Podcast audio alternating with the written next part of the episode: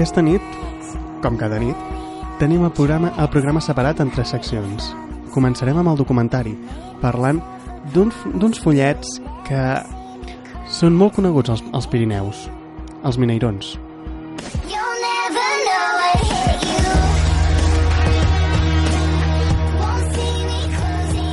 Després continuarem amb Diari de somnis i parlarem de què vol dir somiar en viatges.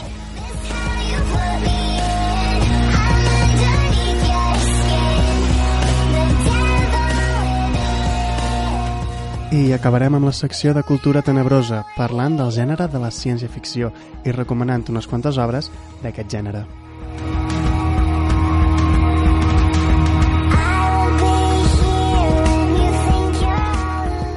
Doncs, sense més miraments, comencem. poison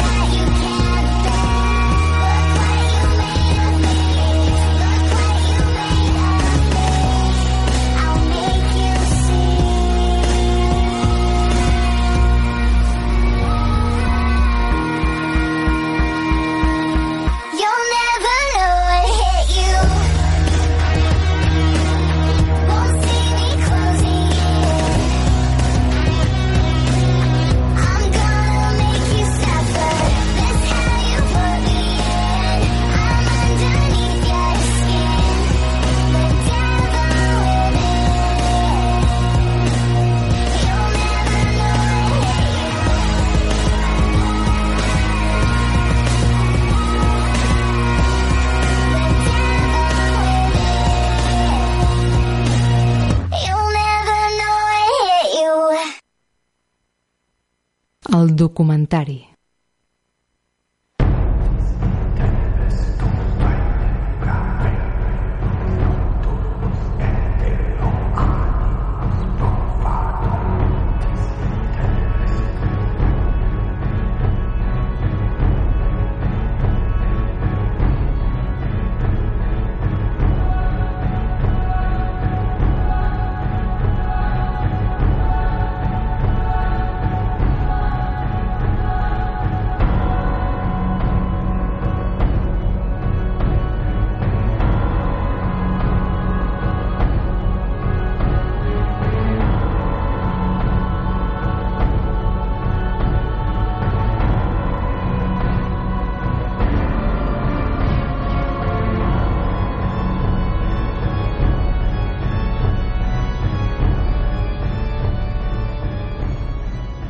Uns éssers d'allò més petits, però capaços de fer gairebé qualsevol cosa que els demanin. Són ben enèrgics i s'atabalen ràpidament quan no els ordenen res.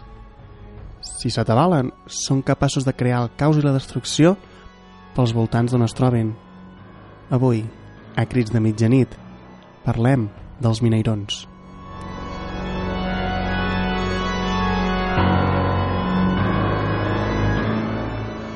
Són uns éssers fantàstics de mida diminuta, presenten la mitologia pirineica. Formen part de la família dels follets.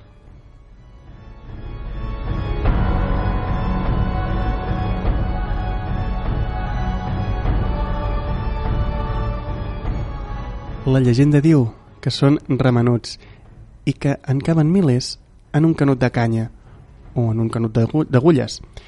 I quan l'amo el destapa, ens surten demanant què farem? Què direm? Si no els manes, si no els manes feina, et maten. Es descontrolen i destrossen tot allò que tenen a la vora. Moltes de les tartanes del Pirineu han estat obra d'aquests follets diminuts. Segons la llegenda, quan l'amo va obrir per accident el canut, on els desava, van sortir... Ell, desesperat i atemorit, els va demanar que pleguessin un munt de pedres en un punt determinat.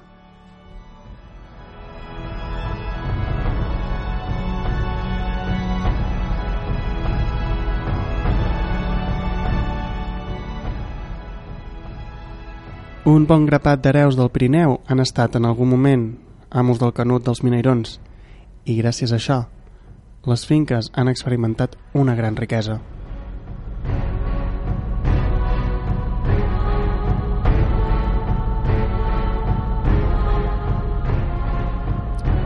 Els mineirons neixen de l'herba mana... manaironera? Uf, quin nom més estrany. També anomenada herba de Sant Joan. Aquest nom ja és més fàcil de pronunciar. Atès que floreix durant la nit del solstici d'estiu. Creix en coves de molta fondària, vigilades per gegants i dracs, que solament deixen passar al punt de la mitjanit de la nit de Sant Joan.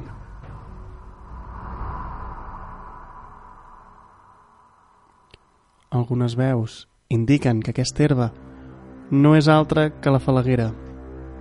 No és clar, però, si el mineiró surt de la llavor o és ell mateix, la llavor d'aquesta herba.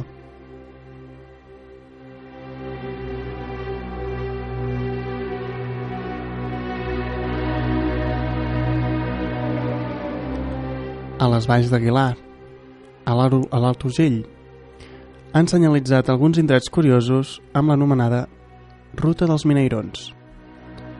A prop de la planúria de Taús hi ha una sorprenent i inexplicable tartera enmig del bosc. A la seu d'Urgell, dins el marc al món màgic de les muntanyes, durant les festes de Nadal, els mineirons són els principals protagonistes i són els responsables d'organitzar el tió de la freita.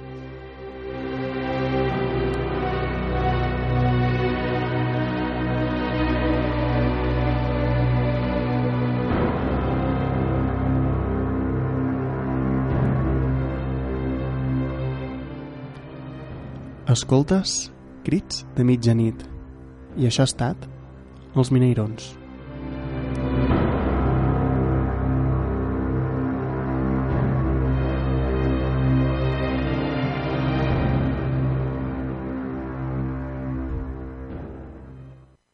Diari de somnis.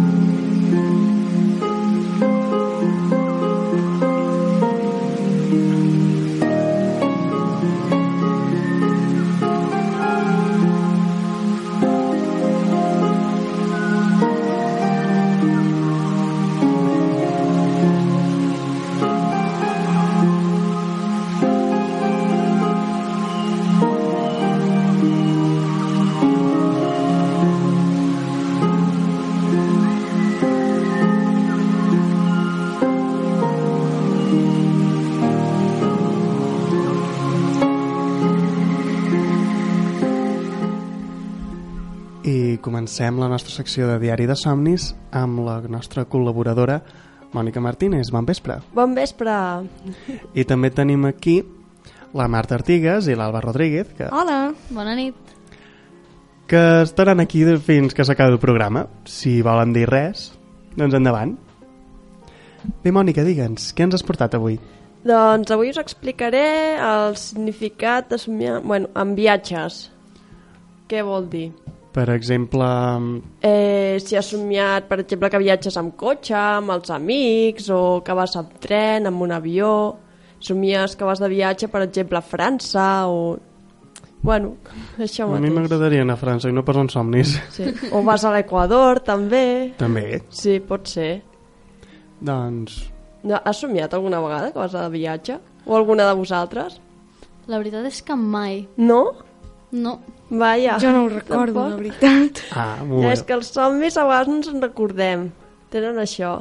Sí, és això que O sigui, del somni només te'n recordes els Una primers part. minuts del Sí. dia. Els prim... Poc després que et despertis, I ja està. és quan els recordes després ja. Ja se t'oblida. És Exacte. curiós, eh? Bueno, doncs us explicaré què vol dir somiar en viatges. Eh, què significa somiar amb un viatge o viatjar amb cotxe? Somiar amb un viatge és perquè cal un canvi radical a la vida i començar a pensar una miqueta més en si mateix. Això vol dir. Eh, si el viatge resulta agradable, amb bon temps i bones companyies, el missatge és de bon auguri. Si el somni és decebrador, males condicions climàtiques o obstacles, el resultat serà negatiu. Com Bon dia. vaig parlar l'altra vegada de les tormentes, Sí, que era tot negatiu. sí les tempestes són... Sí, les Millor no tempestes. somiem amb, gaire, amb gaires tempestes. Eh, bueno, seguim. Eh, somiar que estem de viatge. Vol dir que estem a punt d'assolir els nostres objectius. També representa la nostra rutina diària i el nostre progrés en la vida. També ens diu en quines circumstàncies i, i condicions ens trobem a, a hores d'ara. Sí. Mm -hmm. Vale, si somiem que viatgem en un cotxe amb gent, vol dir que farem nous amics en un viatge que farem amb els que tindrem aventures emocionants. Dia, això està força... Sí, Jo mm, no recordo haver somiat amb cap viatge. Ara aquí penso. no, No. Aviam, fa poc vaig somiar que estava en un cotxe, però el cotxe no es movia. no es movia. No, mm, era curiós. Vaja. Que de fet era el meu cotxe, que no es movia. Jo. Ah, Eh, Somiaves o ho recordaves, Manel? Oh, quin atac. A lo millor no tenia gasolina al cotxe. Uh, bé, era, era, un somni, era un somni. Mm, això sí, sempre l'intento posar... Sempre intento que el dipòsit estigui mig ple. Bueno, ara explicaré bueno, què vol dir somiar que viatgem sols en un cotxe. Però tu que estaves parat, no? Sí, jo estava aturat i el cotxe estava sol, jo. Bueno, estaves sol i vol dir que ens sorgirà un viatge imprevist i els negocis ens preocuparan. Uh, bé, no en tinc gaires, per tant... O Ara sigui- entenc per què no he somiat mai que viatjo sol. Sí, bueno, i ara entens per què el cotxe estava parat, no? Uh, sí, tot i que potser tenia algun altre significat, perquè També pot no era ser un viatge, era més, a, Ah, era vale. més en si el cotxe. el cotxe. No era un viatge, viatge. Perquè, esclar, no es movia, no podia Mm. Haver-hi... si no es mou... No pot haver-hi viatge. No. Vale. Eh, seguiré explicant el significat de somiar amb un viatge. Eh, som si somiem que viatgem sobre algun vehicle, tren, avió, vaixell, significa que hi ha quelcom que no funciona bé en la nostra vida. Les coses no van tan ràpides com voldríem, però també els obstacles amb els que ens podem trobar seran insignificants. O sigui, les coses van lentes però avancen. Ah, està bé. O sigui, Sí. somiar que vas amb vaixell, amb avió Sí, amb, a- i amb tren. o amb tren, vol dir que les coses van a poc a poc, però amb bona lletra. Sí, I que acabaran bé. Exacte, Ah, mira, sí. hem de prendre nota d'això. sí. Eh, somiar que els nostres amics se'n van de viatge, però que estan trists. Eh, vol dir que trigarem molt a tornar-los a veure. Bon dia. O sigui que si somieu amb els vostres amics que se'n van de viatge... Mala senyal. Sí, mala Sí, senyal. Sí. O que s'allunyen, no? Això també és També mala pot senyal. passar... Sí. Sí. Sí. No precisament que se'n vagin de viatge, eh? Total Sinó que, que dius, s'allunyen. "Per- i per què t'allunyes? Per què te'n vas? Vine cap aquí. Exacte. Sí, Perquè ets un psicòpata, deixa'm estar! Plot twist. Sí, sí. sí. té aquest significat negatiu. Eh, si somiem que viatgem a llocs totalment inhòspits i desconeguts, on el terreny és rocós i humit, amb cascades, per exemple, és un mal auguri. Ens diu que no, no ens hem de fiar de les aparences, perquè alguna, en alguna cosa que creiem que guanyem diners, en realitat en perdrem i ens sentirem molt decebuts per això. O sigui, la típica escena de... Uh, va, papa, dona'm aquests diners que jo els invertiré en tal negoci i segur que en traurem molts calés. Exacte. Mala senyal. Molt No mal. facis. Als teus No. fills no els donis ni un ral, que se'ls guanyin ells. Exacte. és que encara pots estrellar. Exacte. Una cosa és estimar-los i una altra cosa és desgraciar-te la vida. Exacte. doncs vinga, segueixo. Somiar que viatgem a un lloc muntanyós on les muntanyes són verdes i el terreny és fèrtil. Mm, eh, una, vol dir... Una vista ben, ben sí, una bonica, vista ben maca. Ben juliua. Sí, això és positiu, eh? Vol dir que ens somriurà Mhm. la fortuna i aconseguirem guanyar molts diners i serem feliços. Oh, Bueno, Llavors sí que li pots donar diners al teu fill. Ja, aleshores sí. en aquest moment, sí. Sí, Sí, quan somies això sí que li, sí que els, li en pots donar, però si no... Pensa tu dos cops. Si somies amb cascades, no. Sí. O sigui, aconseguirem realitzar un treball en un temps rècord Mhm. i amb uns resultats fantàstics i amb els que guanyarem molts diners. Doncs això està molt bé. Sí, ja veus. Ojalà si somiar amb això, eh? Sí, sí, tant de bo. Sí. Eh, una altra cosa, ara explicaré què vol dir somiar viatjar a l'espai. Ah, mira, jo això no ho he somiat No, vida. jo tampoc, eh? O potser sí, quan era petit. Ah, mira, podria ser. Bé, explica'ns què vol dir. Eh, què vol dir somiar a l'espai? Vol dir que tenim una manera de pensar independent i aventurera. Necessitem ampliar els nostres horitzons i conèixer coses noves. Ampliar els, el nostre cercle, d'amistats. D'altra banda, pot significar que estem desbordats. Cal centrar-nos i tornar a fixar l'atenció sobre els estudis o, o la feina. Hòstia, Sí, és, és força interessant. O sigui, somiar amb l'espai pot voler dir per una banda, ets una persona independent, ets una persona que pensa per si mateixa, sí, Sí? exacte. i pot ser positiu, però alhora també, segons com, pot ser centra't en les coses que t'has de centrar perquè ets a la lluna, mai més ben dit. Sí. Sí. I bueno, Sí, està, és força interessant el, això del seny de, de, dels viatges en els somnis. sí, És molt... sí, és interessant. Però evidentment tot depèn de com és el somni, Sí, és que clar, és això. S'ha de saber com és el... sensacions... Sí. Perquè, per exemple, mm, si tu tens una sensació negativa, si tu tens una sensació positiva, potser el somni, tot i que en, un principi, tot i que en general sigui negatiu, és una cosa més... Vol dir, uh, jo què sé, somies amb una tempesta, però la tempesta no et molesta i tu et sents bé, potser vol dir hi haurà un canvi sobtat a la Sí. teva vida, però serà bo Pot ser, sí. i serà millor per tu. És que s'ha de buscar tot el significat. Exacte, les nocions que tenim. Sí. Que pots somiar amb tempestes i a la vegada veus un cavall per allà, m'entens? I ho has de relacionar una mica tot. Diu, per què he somiat amb la tempesta, per què apareix aquest cavall i per què apareix aquesta persona... Tot va relacionat. Exacte. És curiós. Doncs tens... No, Res més. ja està. Molt bé. Per avui acabo. Doncs moltes gràcies, Mònica. De res. I continuem amb crits de mitjanit.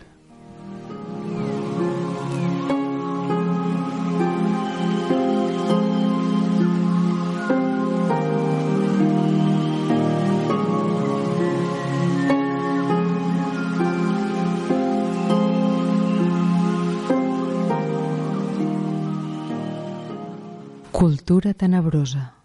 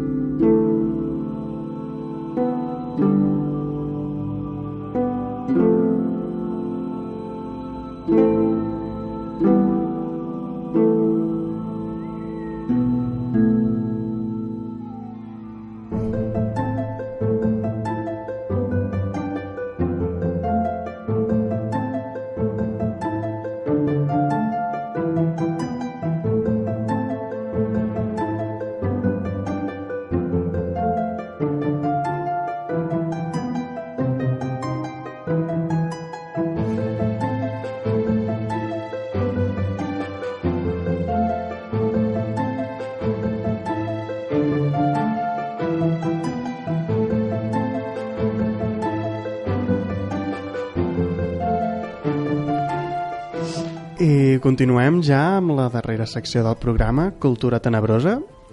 I tenim aquí a la Mar d'Artigues i a la l'Alba Rodríguez. Bon Bona vespre. nit. Bon vespre. I també tenim la Mònica, que encara continua amb nosaltres, per si vol parlar. Hola. No se n'ha anat gaire lluny, no? Eh, de què ens parlareu avui? Doncs avui parlarem del gènere de ciència-ficció. Eh, estil Star Wars, per exemple. Per exemple. Sí, sí, sí, però més aviat en llibres, encara que també comentarem algunes pel·lícules. Sí, relacionarem una mica. Exacte. Endavant, doncs, comenceu, com vulgueu. Vale, si us sembla bé, comencem introduint una mica el tema. Vale, el, és un gènere derivat de la literatura de fantasia, com vam dir la setmana passada. Mm. És un gènere que va néixer a la dècada dels 20, de 1920. O sigui que És, és, és nou, és relativament nou aquest gènere. Va ser Hugo Greensbach que el va incorporar a la portada d'una de les revistes més conegudes de ciència-ficció dels Estats Units, que es diu Amazing Stories, tot i que hi ha obres anteriors que estan reconegudes. Mm. Aquest gènere va gaudir de molta fama a la segona meitat del segle XX.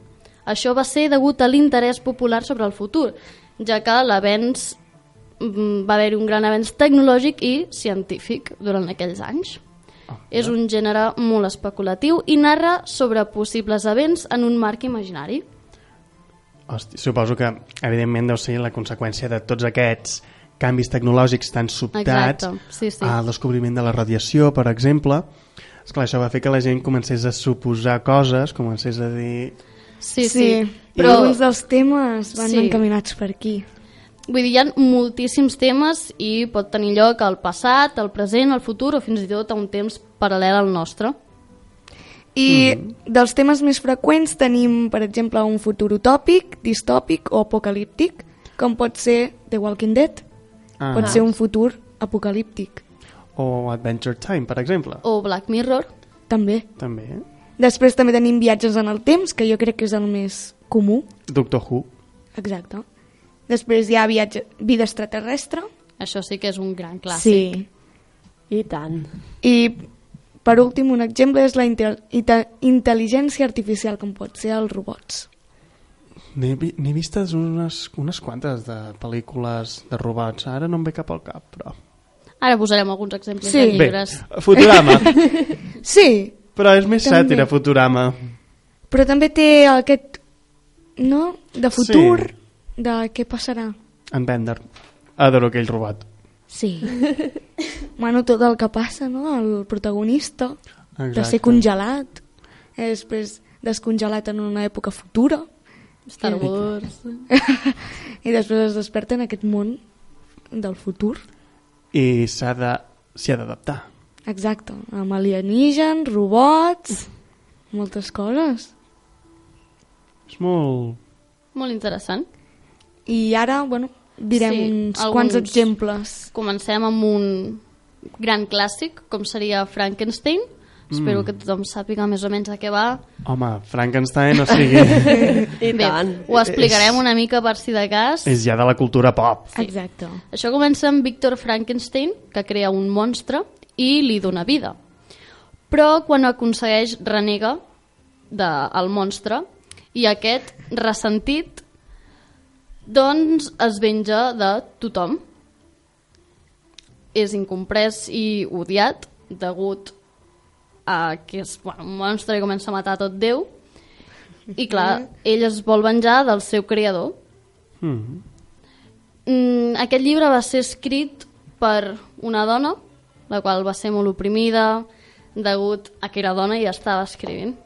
Maleïda societat masclista. Exacte. Sí. I més d'aquella època en el que està escrit. Quina època és? No sé l'any. Jo tampoc, però Concret. Bé, fa uns anys. Bastants. podríem dir que per la dècada, per la dècada dels 50, 40... Sí, potser. segurament. Si als Sí, 20 perquè- és quan va sortir la ciència-ficció, doncs Sí. uns anys després. Jo també he de, he de reconèixer que tampoc sé quan va ser escrit Frankenstein, però bé, sí que és normal que en aquella època les dones, malauradament, eren Fins molt fa oprimides. poc. Sí, sí, sí. I Ja encara, ra- llegir. I encara avui dia també pateixen força... Exacte. Costa, costa. Però bé, m'agrada molt parlar d'aquest tema, però no és el tema que ens toca. No, no. Exacte. Continuem. I també un dels grans clàssics, bueno, un escriptor de grans clàssics de la ciència-ficció com pot ser Julio Verne, Mm. que ha escrit, per exemple, Viatge al centre de la Terra, que Sí. jo crec que la majoria sabeu Jo de petit... que va, el Jo de llibre, no? petit, a, al 8, encara és el 8TV, que en aquell moment es deia City TV. Ai, sí. Sí, la Mònica sap de què parlo, que és... Aquí nosaltres no arribem, no, no. Ah, per la, pel matí i per la nit feien sèries de dibuixos i van fer les, precisament aquesta, mm, Viaje al centre de la Tierra. A mi m'encanta. També hi ha una pel·lícula. Sí, Sí, de, És- de Willy Fogg. Jo vaig conèixer aquest llibre per la pel·lícula, Jo també. protagonitzada per el Josh Hutcherson, que era el meu gran crush de l'època. Sí. Pues, òbviament vaig tenir que veure totes les seves pel·lícules. I gràcies a Només això vaig faltaria. descobrir Julio Verne i els seus llibres. Mhm. Així que, bàsicament, és un, un home que s'emporta el seu nebot i a un científic a descobrir el que ell diu que és el, el que hi ha al centre de la Terra. Ell no creu que sigui una bola de foc, allò, sinó que hi ha un món totalment paral·lel al nostre, amb tot d'animals extingits i aquestes Mhm. coses. Així que crec que és molt interessant si podem llegir aquest llibre algun dia. Sí. I realment hi ha moltíssimes teories que afirmen això, que a dintre la de la Terra és Terra buida. no hi ha lava, sinó que hi ha una societat allà dintre. Molt més avançada que la nostra. Sí. Per descomptat. Sí. I tant. No és gaire difícil. No, la veritat és que no. I si voleu saber un altre títol d'aquest autor, podem també veure la- l'illa misteriosa, que també es va fer una pel·lícula Mhm. com segona part de Viatge al centre de la Terra. també per Josh Hutcherson. Sí, i La Roca, també com a protagonista. Sí, Oh, The Rock. I la Ok. Vanessa Hudgens feia sí és també. veritat. Sí, sí. Jo els noms dels actors no me'ls conec gaire, La soc pèssim Gabriela. pels noms. De High School Musical. Exacte. Ara, Sí. pla. Ara sí, coi. I teniu cap més llibre?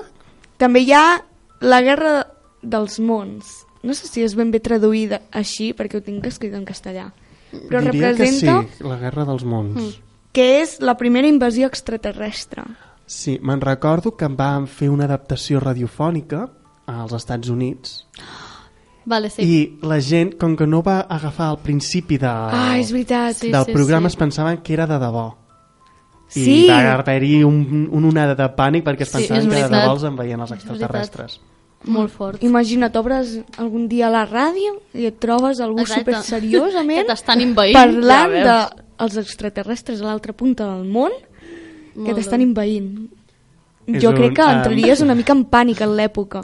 Jolín, és molt. Ara ja Bastant. mires Twitter i ja està, i ja està. Ara ja no passa Segur això. que hi ha fotos, segur que hi ha de tot. La gent est estaria excitada i tot per la invasió. I foto per l'Insta. Exacte. Exacte. Allà. Sí. Invasió... Mm, uh, good time. la New Friends, International, coses així. Interworld. Vale, després tenim el juego de Ender, que espero, si us plau, que us soni. Ai, Uh, Manel. Sí, home, almenys, T'estimo molt, però no. almenys la pel·lícula. Bueno, mm, No em sona gens, em sap molt Bàsicament- tampoc. Il·lumina'm. També és d'una invasió extraterrestre, és a dir, el món ha estat bastant destruït per una primera invasió extraterrestre i hi ha com una escola militar on eh, eduquen a nois perquè sigui el pròxim general i vèncer aquests extraterrestres.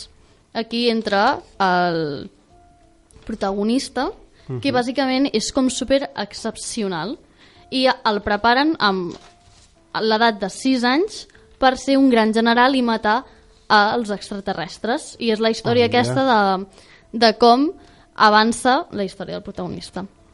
On dies. Sí, sí. Fa molt bona pinta. Molt interessant. Sí, sí. I se n'ha fet una pel·lícula també molt bona. Sí. Quan? No, ja fa uns anys. Saps mm, Sex Education? El Sí. protagonista? Sí, que també surt a... el nen al pijama de ratlles. Sí, Sí. És, és aquest actor també. I per Oh, tant és mira. petitet, vull dir, Sí, sí. uns 12 anys tindrà. És, Així és molt xula. També tenim una, un llibre que es diu Jo Robot. Sí, aquest, aquest és una... Aquest sí, no? Sí, he vist el film Sí, representa que... amb el Will Smith. Sí, bueno, Gran actor. Mhm. uh, llegint la sinopsi hem vist que no és gaire similar Mm, mm. al llibre. S'assembla al títol i poca Sí. cosa més. Això passa en tantes, tantes, Sí, però- tantes adaptacions. Malauradament, Nosaltres sí. ens pensàvem que era similar. Bueno, a veure, té una estructura similar, que és un robot, el protagonista. Però um, us explicaré una mica de què va el llibre i què va significar el llibre per una mica la societat d'aquell moment. Uh -huh. Va tenir una influència enorme no només en tota la ciència-ficció posterior, sinó també en la pròpia ciència de la robòtica. Um, Isaac Asimov, per primera vegada, va formular les tres lleis fonamentals de la robòtica. Es va plantejar interrogants que s'endins- s'endinsen al camp de l'ètica i de la psicologia, com per exemple les típiques preguntes de quina diferència hi ha entre un robot intel·ligent i un ésser humà? Pot el creador d'un robot predir el seu comportament?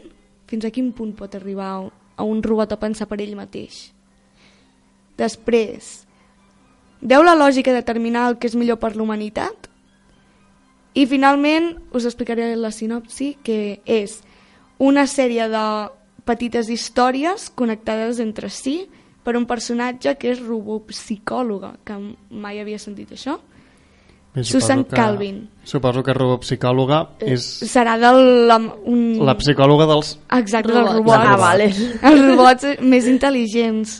Les analitzes psicològicament i deu analitzar sí. la intel·ligència i... I hi ha relats de, per exemple, robots que llegeixen el pensament, robots que es tornen bojos, robots amb sentit de l'humor o robots polítics. I Bé, mira, representa... m'estimo és un robot polític que no pas un home polític. Vaja! I representa que Asimov, que suposo que és, que és l'autor, Uh -huh. um, cada vegada inventa robots més perfectes que arriben a convertir-se en un desafiament pel seu creador. És a dir, que es poden arribar a revoltar contra el creador I la per, humanitat. Exacte, per tan intel·ligent que pot ser. Sí. I Jo Robot, la pel·lícula, crec que és del Will Smith, que representa que l'acusen de matar un científic i l'estan intentant atrapar. Així que no té gaire relació en, en els llibres. Bon dia. I aquest llibre també el que va despertar va ser molts debats sobre si realment els robots podien arribar a l'extrem de pensar per si sols. Si seguim així, Sí. jo crec que sí. Sí. Algun dia Depèn. arribarem en què un robot i un humà pensin o siguin quasi bé similars. Bueno, que els robots facin la feina per tu i tu pues, Arras- visquis del punching. Wall-E. Sí, a rascar-te la panxa. Sí, sí, totalment. Sí. M'agrada aquesta idea. Vot, I voto a favor. Després acabarem com a Wall-E. No vols acabar com a Wall-E. No, però una mica més sa, respectant el nostre planeta. Wall-E... Ah, bé, ho deies pel planeta, jo em pensava que deies per les persones. No, per, per la peli, Wall-E. Bé, vull dir, les persones Bueno, sí. de Wall-E Ah, sí, sí, sí. t'expliquen per, què les són així de persones. grasses. I no és precisament per... En part és per la vida sedentària que porten, però hi ha un altre factor que és la falta de gravetat. Ah, sí? Sí, per la falta de gravetat van Això perdent ossos perquè no els necessiten.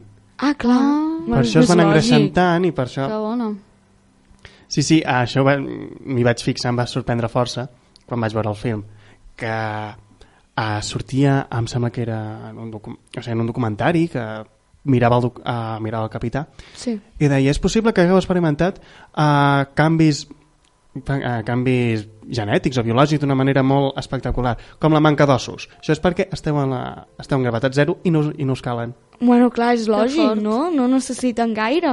Estan sentats en aquella cadira. Bueno, clar, però després tornen a la Terra i han de caminar Sí, sí, però o sí. representa que han estat bastant temps sense anar... Gen com a Vulguis mínim has- cinc generacions. Han, Sí, han sí, anat sí. evolucionant i si cada vegada necessitaven menys ossos, menys fe... no feien tantes coses, doncs clar, normal. Sí, sí. Exacte, però Bueno. bueno. esclar, després tornen a la Terra i veus com els costa moltíssim caminar. El Exacte. capità, quan s'enfronta a la màquina aquella, Que això també ens ensenya el que hem dit, la revolució de les màquines. Màquines Exacte. intel·ligents Sí. que prenen el poder dels humans. a Disney ens ho ensenyen moltíssim, això. Sí, sí. Disney ensenya moltes coses. Sí, Disney. com per exemple Los Increïbles, Bueno, això és Pixar. Bé, Disney Pixar. Disney Pixar. Mm. Mm, Sí, hi ha una petita diferència. I- Que no, fa poc però van estrenar els Increïbles 2. estan junts. Bueno, sí, perquè Disney va comprar Pixar, però... Exacte. Sí. Però dic que Los Increïbles surt l'última, bueno, la primera pel·lícula, És la veritat, màquina, sí, que al sí. final es revolta contra el dolent. I contra el seu mateix creador. Exacte. Sí. I Ah, Que és el mateix. a la Sí, sèrie... exacte. Hi ha un, la sèrie Bola de Drac també. Que fan el doctor Gero i tot això que fan Ah, sí. la 18, la 19 És veritat, i es sí, revela sí. Contra el seu creador Mhm. Però i el sembla- cèl·lula també revela contra la gent Però em sembla que l'A18 i l'A19 sí, són humans, no? en un principi són humans i el doctor Gero els torna androides Sí. i per això li tenen tanta ràbia. Sí, i a la Perquè- 17 és l'android... Aquest No, sí la que és 19 no, robot. la- la 17 O, li, o és la 19? La 17 i la 18 són, són, els human, són els que són humans. Sí. La 16 és el que és de color verd. És el verd. I la 19 em sembla que és aquell rotanxó de color blanc. que té unes ah, sí. coses Sí, és que veritat. aquest no es revela contra ell. No, aquest no.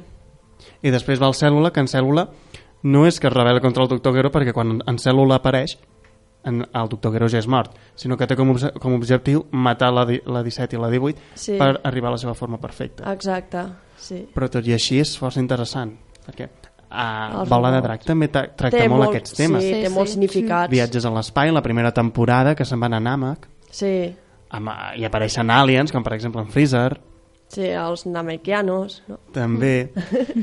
Bé, no sé si sou tan... Sí, l'heu vist, No. no, A la sèrie? l'he- vista, però tampoc... El No l'has punt seguit, aquest de... no? sí, però no el Ah, punt vale. aquest de saber-me tots els personatges i tal. I Jo, sincerament, no, no l'he vist mai. No, Mai. No? No, no, no. En sèrio? He sigut... No sé per què, però mai he vist Bola de Drac. I mira que el meu cosí és fanàtic. Però no, no, què va? A casa meva no, no s'ha vist mai Bola de Drac. Oh. Mare meva, però Uau. el que segur que sí que has vist i has llegit és Els Jocs de la Fam, uns llibres Home, bastant actuals home. i que també són de ciència-ficció, on es centren bàsicament que hi ha un capitoli que porta tot el poder i on hi ha uns districtes que cada any han de donar a un noi i una noia perquè juguin als Jocs de la Fam i així entretenir el capitoli. Clar, tot això, vulguis o no, al final s'ha acabat tornant contra el propi Capitoli i es comença una revolta. Sí, és cert. Els Jocs de la Fam he de dir que és de les meves sagues literàries preferides. Home. la meva també. Sí, sí. sí. sí. M'he vist tots els films, tot i que he de confessar que el darrer film el vaig, vaig trigar moltíssim a veure, el vaig veure fa poc. Jo el vaig veure Sinsajo al cine. parte 2. Exacte. És veritat que els llibres són tres, però les pel·lícules n'han fet quatre. quatre, tot per treure diners. Sí, és Totalment. claríssim. Bueno, perquè farien... L'última pel·lícula seria massa llarga. I com vam dir, la gent Haurien no té d'haver tallat masses coses. Mm. I realment a l'últim llibre quasi tot o tot és important per saber com acaba. Exacte. Perquè el llibre també està dividit com en dues parts, Mm. que és la... Bueno, no, no diré spoilers. Però la part que és del principi, que es basa a Sinsajo parte 1, Mhm. que és tot més tranquil i t'expliquen Bé, molt... més com es va... Exacte. Quan aquell Com va noi que no direm tot. no hi és, Exacte, tot aquest tema de... Què està passant? Exacte. Quina revolta hi ha i què, què Bé, passa? com es va preparant? Es La- van fent sí, tots els va re- preparatius. I després hi ha la segona part, que ja és totalment acció pura. Exacte. que és la, la que a tothom li agrada més, vulguis o no. Però també és, in, és interessant veure Sinsajo parte 1, perquè si no, tot això no ho entendries, perquè Exacte. passa a la segona. Mhm. Exacte. I també a la, als films, a la primera part, mm, veiem que s'acaba, si fa no fa, quan apareix aquell nano, que no direm. Bé, parlar d'això sense spoilers és una mica difícil. Una, un pèl complicat. Exacte. Per bueno, tant, podem si dir els voleu... noms dels protagonistes de, la, de les pel·lis, no? Katniss Everdeen Bueno, de les i, pel·lis dels llibres. i dels llibres, bueno, clar, òbviament dels llibres primer. Mhm. Katniss Everdeen i el Peter Millar, que són els Oh. dos Sí. concursants del districte 12. Exacte, que Els també dos tributs. s'ha fet molt famós ciència-ficció amb amor, Sí, amb Sí. romanticisme. Tota... Jo, els llibres que he llegit de ciència-ficció, hi ha amor. Els Jocs de la Fam, però també divergent. sí. Exacte. Teniu res de divergent? Sí, també teníem apuntada aquesta trilogia, que els llibres han estat també mm, un gran bestseller, però les pel·lícules van decepcionar molt. Bastant. Divergent tracta de el món dividit en cinc faccions. Diria Són que és solament una ciutat. una ciutat, només Però existeix Chicago, persones- però bàsicament la ciutat està dividida en faccions. Mhm. I quan compleixes els 16 anys et fan unes proves per saber a quina facció pertanys tu. Així es creu que mm, això provoca menys guerres, menys conflictes entre persones i així poden aconseguir doncs, la pau perfecta. Però hi ha un problema, i són els divergents, que són aquelles persones que poden pertànyer a més d'una facció. I clar, són un perill per la societat. Això no li agrada al govern. Exacte. I llavors els són perseguits i assassinats. I, òbviament, la nostra protagonista és una divergent i... Que es fa passar per una facció. Exacte. Clar, s'han d'amagar, no- però diguem que no funciona molt bé i No. provoquen una mm, revolució, també. Sí, sí. Després també un dels llibres també molt interessants que es va fer famós més tard que els Jocs de la Fama o Divergent, que és el, el corredor del laberint. Que també s'ha fet famós Fa tard, més- perquè sí. va ser escrit el 2011, 2009, o 2011. El primer. I se n'han fet fet seqüeles, preqüeles, Sí, sí, uh, és el típic llibre, o sigui, hi ha la trilogia principal i després hi ha com el després i l'abans del protagonista. I el Durant, i mentre Exacte. aquell era al lavabo, què va passar amb el seu company? Exacte, però de què va la trilogia Bàsicament, principal? Ens trobem... Compte que jo sóc el, el segon llibre encara, eh? No, només explico el primer, vale? que representa que ens trobem un protagonista que desperta a dintre de el que se'n diu que és un, un laberint.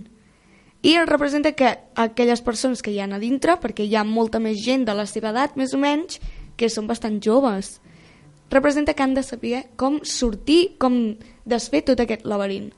Que hi ha que diuen que són els corredors que bàsicament es passen el dia corrent pel laberint dibuixant un mapa per després trobar la sortida.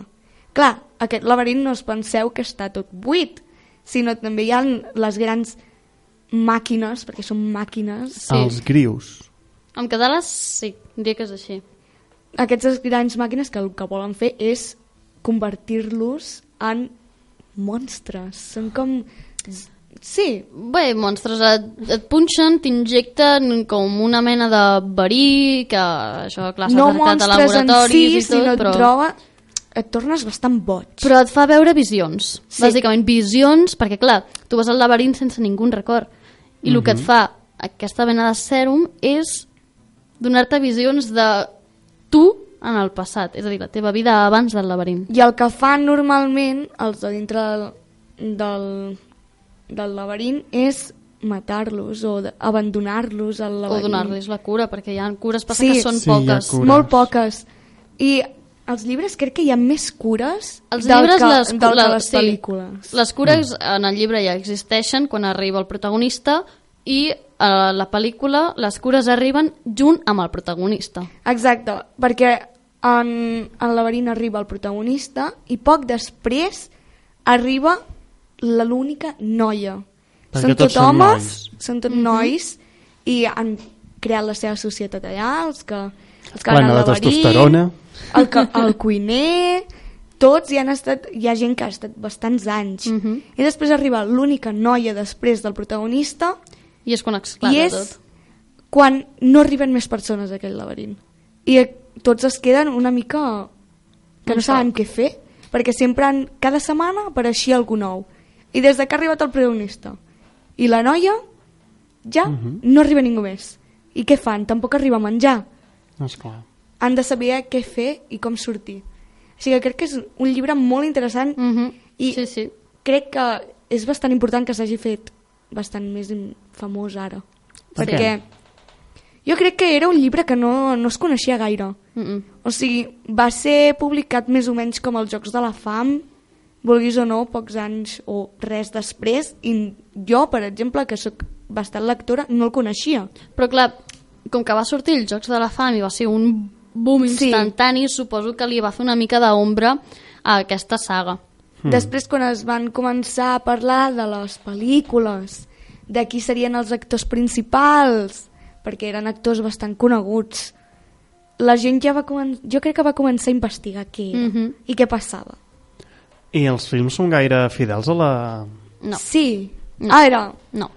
I, I això és una cosa que O em és va com emprenyar Divergent, molt. que el primer, el primer film A sí veure, moltíssim i després ja sí, però no. No té res a veure. s'assembla, Sí, però per això, mi el primer canvien sí, eh? masses coses. El primer, el primer... No, el primer canvien masses Canvien coses. coses que, que potser tu no et donaries compte si no t'hi fixes gaire. A Oh, veure, Això, vaja, és una mentida com una casa, noia. Jo- Cam- No, Marta, canvien moltíssimes coses i coses que són importants. Mm, a mi no em va molestar, sincerament. A mi és que és una cosa que em Puc molesta molt. demanar quina cosa, quines coses van canviar? Sobretot sobre els mapes.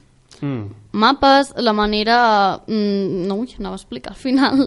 Bé, és, és a dir, coses que són importants en el llibre, passa que no tenen mm, molta rellevància en les seqüeles. Exacte. Mm. Clar, mm, jo és que sóc una persona que no li molesta que li canvi les coses a, a les pel·lícules d'un llibre. A mi molt. Perquè jo m'ho agafo com a una pel·lícula independent d'aquell llibre. O sigui, sí, té part de relació, però si m'hi en canvien coses i després segueixen amb aquestes coses diferents al llibre, no és que m'ho deixin tirat, sinó que després donen una relació al per què han fet això diferent, no em molesta. Eh, ho trobo com una saga completament diferent o diferent i no, no, soc de les típiques que no em queixo amb aquestes coses. I amb els jocs de, els jocs de la fam no. Bueno, les últimes pel·lis potser sí que van tenir una mica més de canvis, però no, però després a, al corredor, després hi ha les proves i per últim la cura mortal, que són les pel·lícules que s'han fet. Ja han fet la tercera del corredor del Sí, laberint? ja ha acabat les, la trilogia, ha acabat. I ara que Així faran que- la primera preqüela, la segona i. Doncs no en tinc ni idea, jo crec que ja ho, ho paren aquí. Ho Sí, paren. perquè si no seria massa... sí, quan abuses massa... La gent se'n cansa. Exacte. Del que s'hauria d'haver parlat més també és de la trilogia Roig Rubí, Blau Safir i Verd Maragda. Aquesta, la Em veritat... sona Pokémon. ja, ja. No, res a veure. És bàsicament d'una família Uh -huh. Que cada X temps apareix un membre d'aquesta família que té la capacitat de viatjar en el temps. És a dir, poden saber la data de quan naixerà aquest membre de la família i que tindrà el poder aquest de viatjar en el temps. Passa que és un poder que ells no poden controlar, a no ser que tinguin com una mena de rellotge on tu introdueixes una mica de la teva sang i llavors ja ets capaç de controlar-ho. El problema aquí arriba en què s'han equivocat del membre de família. I clar, quan se n'adonen d'això, la noia que realment pot viatjar en el temps està molt poc preparada i diguem que és una mica rebel. I hi ha algunes coses que no li agrada com es fan i a partir d'aquí doncs, també comença a canviar les coses i a fer-ho a la seva manera. Aquí també hi trobem, òbviament, amor. S'enamora d'un pagès de l'edat mitjana. No ben bé. ah, mira, curiós. Si vols saber-ho, te'ls hauràs de llegir. Doncs m'ho apunto, m'ho apunto. I teniu cap més saga de llibres? O... Sí, per últim, una saga que tampoc és gaire coneguda seria la de Delirium, el se- segon llibre és Pandemonium i l'últim és Requiem. Delirium represent, bueno, va d'una societat del futur que han descobert que l'amor és una enfermetat i l'únic que han de fer per no sentir amor, ja sigui romàntic o qualsevol altre, és extraient una part del cervell amb una operació i després fan unes proves i a base de compatibilitat et troben una parella ideal per tu, per tenir els fills, bàsicament per reproduir-te, Mhm. i ja està. Només necessites per això. I què passa? El típic, no?, de la noia està molt d'acord en això fins que coneix a un noi. Exacte. Un noi que encara tampoc li han, tret, li, ex, li han extret aquesta part del Mhm. cervell. Així que es complica la cosa. Ja quan estan a punt de complir, crec que són els 18, Sí. doncs no vol, perquè òbviament vol sentir el, coses per a aquell noi que Mhm. tampoc Vol ha sentir arribat. amor. Exacte, vol sentir alguna cosa, perquè vulguis o no, quan t'extreuen aquesta part, no sents tampoc gaire més coses. No, és a dir, és com que et treuen la capacitat de sentir. I clar, Exacte. dintre d'aquesta ciutat també trobem la part rebel, que fan Exacte. festes allà, tot boges, on hi ha amor i altres coses, i clar, Molt d'amor. Sí. exacte. I clar, el que intenten és fugir d'aquesta ciutat perquè a fora de la ciutat, perquè és una ciutat emmurallada, hi han mm, societats on està la gent que ha aconseguit escapar Més salvatge. i on l'amor no és una malaltia i viuen allà lliurement. I feliços. Exacte. Jo crec que és necessària una pel·lícula d'aquesta saga, però, si us plau, que la facin Fidel. degudament, que no s'inventin tot el que puguin. Per exemple, Divergent, per exemple, exacte. Sí. que comença amb una sèrie que comença molt fidel. El, prim, el primer llibre i la primera pel·lícula, Són sí, molt... bastant. Mhm. A mi em va agradar bastant. A mi A mi també. també. Després ja va anar decaient, vam Sí. anar a veure l'últim al cinema i Se'ls dir, en, va, no. se'ls en va la pinça, totalment. Dius, "Mm, què fas? Què vam fas? dir no, no, no, Jo, aviam, solament he vist la primera, però ja em van dir, ja em van fer comentaris de lleial i va ser millor, un... millor. Ah, això no va Lleial. així. Lleial els, és, els llibres és són brutals. la pitjor. A sobre que no tenien tant pressupost com a la primera Exacte. i es nota. Es I, nota i els, moltíssim. els protagonistes, els actors, no se'ls veu tan motivats amb la feina i això també es veu molt. Es veu qui està Sí. donant el 100% en actuar i qui no. Bon dia, doncs, hi hauré de fer una ullada. Sí, sí, Bé, suposo que també el sou deu importar una mica a l'hora de motivar-te. Exacte. Si tu t'ofereixen 10 milions per fer un film, tu hi vas molt motivat. Si te n'ofereixen un, és un... Bé, sí, quin remei, no? Suposo. Mm, bueno... doncs... És, eh, ja Sí, sí. Teniu res més avui? O... No, avui ja hem recomanat uns quants llibres per qui vulgui. Exacte, això no és tot. Els llibres, després tenim pel·lícules, Star Wars, sèries que ja hem dit com Bola de Drac, coses així. Sí. Doncs bé, acomiadem la secció aquí, si no us fa res. No, no. En absolut. I doncs fins al següent programa.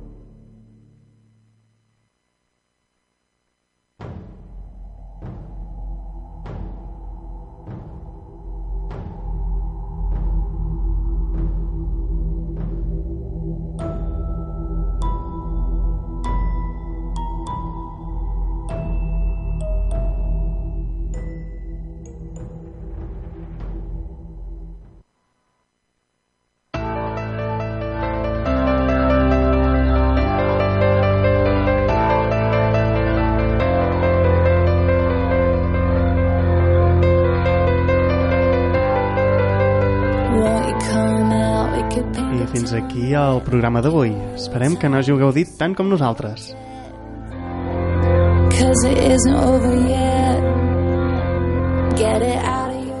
Hem començat el programa parlant al documentari dels Mineirons, unes, uns fullets molt petitets que han arrelat moltíssim en la nostra cultura i que en són una gran ensenya. Cause it isn't over yet. Hem continuat a la secció Diari de somnis parlant de què vol dir somiar en viatjar.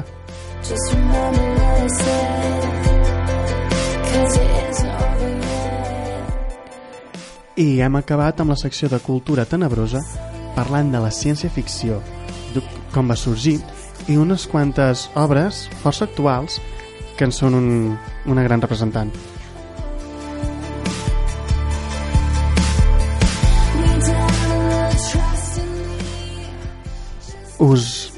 Acabem dient-vos que ens podeu seguir a les nostres xarxes socials.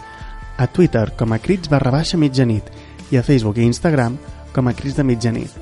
També ens podeu trobar a, Gu- a, a Google, no, a YouTube, a, on ja hem començat a penjar fragments dels programes.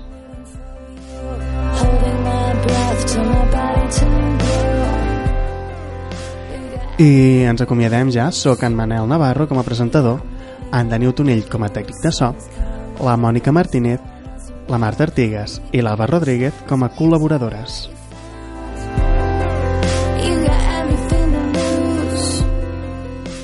Bona nit i dolços somnis.